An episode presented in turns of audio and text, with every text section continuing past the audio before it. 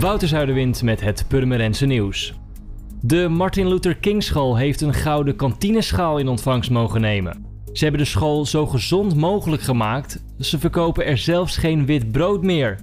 Bij de school voor speciaal onderwijs maken de leerlingen de gezonde maaltijden twee keer per week helemaal zelf. Met de vaardigheden die ze op school leren krijgen ze meer ervaring waarmee ze in de horeca kunnen werken. De leerlingen kregen ook de opdracht om 400 broodjes te bereiden voor de werknemers van de Koningssportdag van afgelopen vrijdag. Verhuurder Intermaris is deze week gestart met het onderhanden nemen van de portiekwoningen aan het Cavalierplein en het Jonkheer van Sietersplein. Tijdens huisbezoeken in 2017 kreeg de verhuurder een waslijst aan woonwensen mee. De woningen worden nu geïsoleerd en krijgen zonnepanelen, ook worden de woningen gasvrij gemaakt en komt er mechanische ventilatie. De werkzaamheden zullen tot begin 2020 duren. De bewoners hoeven voor de werkzaamheden hun huis niet uit.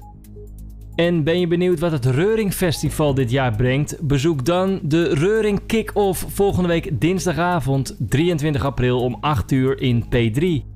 Bezoekers krijgen op deze avond een eerste indruk van het festivalprogramma door middel van interviews, filmpjes en live optredens van artiesten die op het Reuring Festival 2019 te zien zijn. Naast de presentatie van het programma kunnen belangstellenden zich aanmelden als vrijwilliger en vriendje voor een tientje worden. De toegang is gratis. Voor meer nieuws, kijk of luister je natuurlijk naar RTV Purmerend, volg je onze socials of ga je naar rtvpurmerend.nl.